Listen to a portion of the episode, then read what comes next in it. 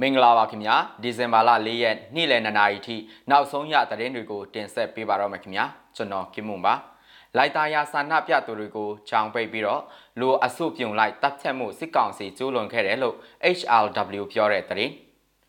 ဘာကတာចောင်းသားကိုနင်းအောင်ကိုပြူစောဟေးတွေပြစ်တတ်တဲ့သတင်းချင်းအမျိုးသားကာကွယ်ရေးတပ်အထူးကွန်မန်ဒိုတင်တန်းစင်ပွဲပြုလုပ်တဲ့သတင်း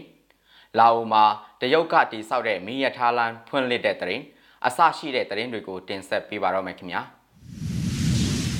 ပထမဆုံးတင်ဆက်ပေးချင်တဲ့သတင်းကတော့မြန်မာလုံခြုံရေးတပ်တွေဟာစာနာပြသူတွေကိုရည်ရွယ်ချက်ရှိရှိတီလောက်တဲ့အင်အားတုံချင်းကြောင့်စာနာပြသူနဲ့ဘေးမှာရှိနေသူပေါင်းအနည်းဆုံး65ဦးတည်ဆုံးခဲ့ရတယ်လို့လူအခွင့်အရေးစောင့်ကြည့်ရေးအဖွဲ့ HRW ကအစီရင်ခံစာတရက်မှာဆိုပါတယ်။ရန်ကုန်မြို့ကအကြီးဆုံးမြို့နယ်လိုက်သားရမှာ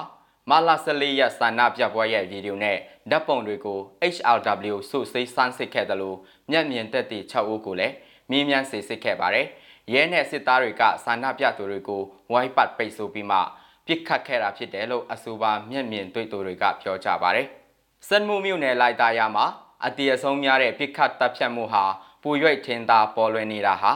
လူအများအပြားတည်ဆုံးရခြင်းနဲ့လုံခြုံရေးတပ်တွေက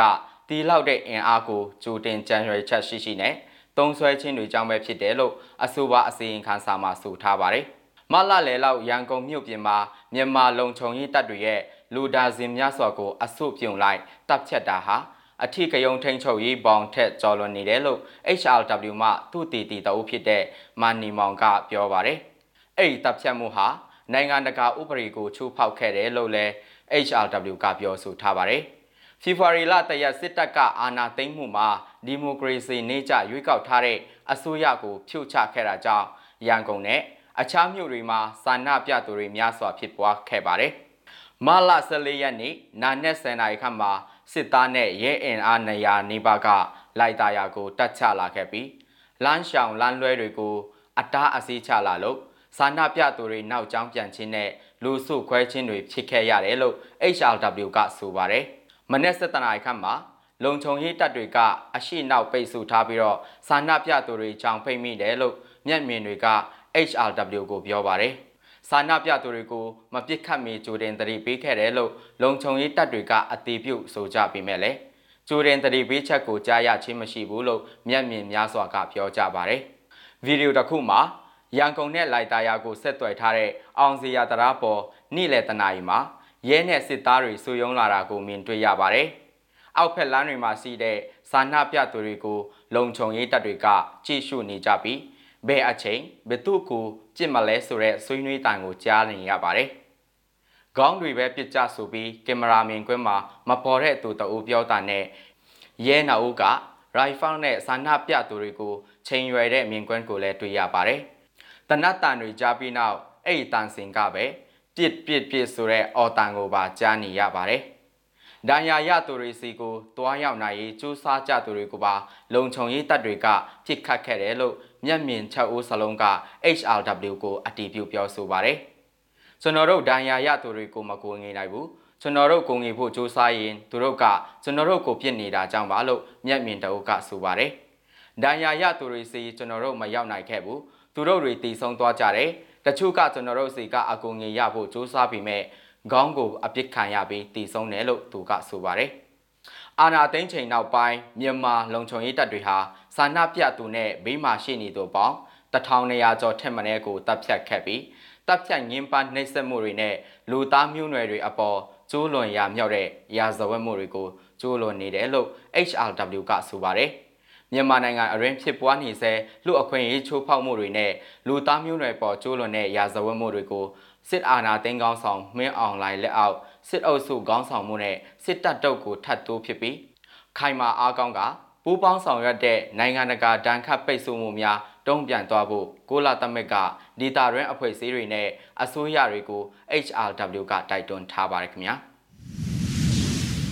ဆက်လက်ပြီးတော့ဘာကတာចောင်းသားကိုနေအောင်ကို မနေ့ကဒီဇင်ဘာလ3ရက်နေ့မှာစစ်ကောင်စီရဲ့လက်ပါစီပြူစောထိတွေကပြစ်တက်လိုက်ကြောင်းသိရပါတယ်။ကမ်ဘလူတင်းကုတ်ကြီးကြီးရွာဆိုင်းဘုတ်အနီးစစ်ဆေးနေစဉ်မှာစိုက်ကယ်ရက်မပေးတဲ့အတွက်ပြစ်တက်လိုက်တာဖြစ်တယ်လို့ပြူစောထိအဖွဲ့တွေရဲ့ Facebook စာမျက်နှာမှာရေးသားထားပါတယ်။ကုနင်းအောင်ဟာအလုတ်သမားအရေးចောင်းသားအရေးစစ်အုံစရိတ်ရှော့ချရေးတို့မှာတက်ကြွစွာပါဝင်ခဲ့တဲ့အတွက်မကြာခဏစစ်အစိုးရရဲ့ထောင်ဒဏ်ချမှတ်ခြင်းကိုခံခဲ့ရသူဖြစ်ပါတယ်။ ဒါပြင်နာမည်ကြီးလက်ပရန်အရေးအခင်း2015ပညာရေးတပိတ်2010ဖွဲ့ရှိပုံအခြေခံဥပဒေပြင်ဆင်ရေး2019ပညာရေးကောလိပ်တို့မှာခက်နဲ့မလျော်ငီတဲ့စီကံများပြုတ်ပင်ပေးဖို့တောင်းဆိုခဲ့မှုတွေကြောင့်တရားစွဲဆိုထောင်ချခြင်းခံခဲ့ရသူဖြစ်ပါတယ်။ကိုနင်းအောင်ဟာဖြိနှိတ်ခါအလုသမားအရေးတောင်သူလယ်သမားအရေးတို့မှာလည်းဥဆောင်ပါဝင်ခဲ့သူဖြစ်ပြီးတော့စစ်တပ်ကအာဏာသိမ်းပြီးနောက်စစ်ကောင်စီပြုတ်ကျရေးအတွက်တက်ကြွစွာလှုပ်ရှားနေသူလည်းဖြစ်ပါတယ်။ နောက်ထပ်တင်ဆက်ပေးချင်တဲ့သတင်းကတော့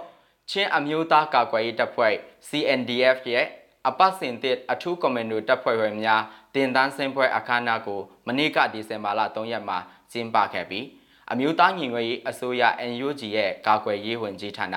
ပြည်ထောင်စုဝန်ကြီးဦးရီမွန်ကတဟွန်လွာပေးပို့ခဲ့ပါတယ်။ရဲဘော်တွေရဲ့ဆွန့်လွတ်ပေးဆက်မှုတွေဟာနောင်လာနောက်သားတွေနဲ့ပြည်ထောင်စုအတွက်အနာဂတ်ဖြစ်ပြီး စစ်ကြုံဘဝကလွတ်မြောက်ရေးအဆုံးသတ်တိုက်ပွဲဖြစ်ပြီးဆွန့်လွတ်ပေးဆက်မှုတွေကိုအရင်နှင်းပြုတ်နေတဲ့ရဲဘော်တွေအားလုံးကိုဦးညွတ်အလေးပြုတ်ကြောင်းဝန်ကြီးကပြောပါတယ်။စစ်အာဏာရှင်တော်လှန်ရေးအတွက်ဘဝအသက်ခန္ဓာကိုယ်တို့ကိုဆွန့်လွတ်ဖို့စိတ်ပိုင်းဖြတ်ထားသူများဖြစ်တဲ့အတွက်ဒေါ်လာရင်းကာလစင်းရဲပင်ပန်းမှုဓမ္မန်သမျှကိုကြံ့ကြံ့ခံကြော်ဖြတ်နိုင်လိမ့်မယ်လို့ယုံကြည်ထားကြောင်းဝန်ကြီးကတဝန်လွန်မှာပြောထားပါတယ်။ ဒေါ်လာရင်းမှာအတူတကွတိုက်ပွဲဝင်နေကြတဲ့ညီနောင်များမဟာမိတ်တပ်ဖွဲ့များအပေါ်မှာလည်းညီရင်းအကိုစိတ်ဓာတ်ကိုအရင်ပြုတ်ပြီးတော့ယုံကြည်မှုနဲ့လေးစားမှုထားကြဖို့လဲတိုက်တွန်းထားပါတယ်။လက်ရှိမှာတိုင်းရင်းသားလူမျိုးပေါင်းစုံပါဝင်ပြီးစစ်တာနာရှင်ဖြုတ်ချရေးပြည်သူ့ခုခံတွန်းလှန်စစ်ကိုတတိုင်းပြည်လုံးအတရတာနဲ့ဆင်နွှဲနေကြပြီဖြစ်ရာရဲဘော်များအားလုံးကြာရတာဝန်ထမ်းဆောင်ဖို့အသင့်ရှိကြစေလိုကြောင်းလည်းကာကွယ်ရေးဝန်ကြီးဦးရင်ဝန်ကပြောဆိုထားပါတယ်။ Federal Democracy အခြေခံပြည်ထောင်စုကိုတည်ဆောက်ဖို့ချင်းလူမျိုးတွေရဲ့ကိုပိုင်အုပ်ချုပ်ခွင့်ကိုတည်ချစေဖို့နဲ့ရေရှည်တည်တံ့ခိုင်မြဲတဲ့လူပေါင်းနိုင်ငံရေးနယ်ပယ်ကိုတည်ဆောက်ဖို့ရည်ရွယ်ပြီးချင်းအမျိုးသားကာကွယ်ရေးတပ်ဖွဲ့ CNDF ကိုပြီးခဲ့တဲ့ဧပြီလ23ရက်မှာဖွဲ့စည်းတည်ထောင်ခဲ့တာဖြစ်ပါတယ်ခင်ဗျာနိုင်ငံတကာဘက်မှာတော့လာအိုမှာတရုတ်ကတည်ဆောက်တဲ့မင်းရထားလမ်းဖွင့်လှစ်တဲ့သတင်းကိုတင်ဆက်ပေးချင်ပါတယ်လာအိုနိုင်ငံဟာ ရုန်းကန်နေရတဲ့နိုင်ငံစီးပွားမြင့်တင်နိုင်ရဲ့မျှော်လင့်ချက်နဲ့သွေးဖီပြီးကျွေးမြီပူပန်မှုတွေဖြစ်ပေါ်စေမဲ့ဒေါ်လာ6ဘီလီယံတန်တရုတ်တီဆောက်ပေးထားတဲ့ယထာလမ်းပိုင်းတစ်ခုကိုဒီဇင်ဘာလ3ရက်တောက်ကြနေ့ကဖွင့်လှစ်ခဲ့ပါတယ်။414ကီလိုမီတာ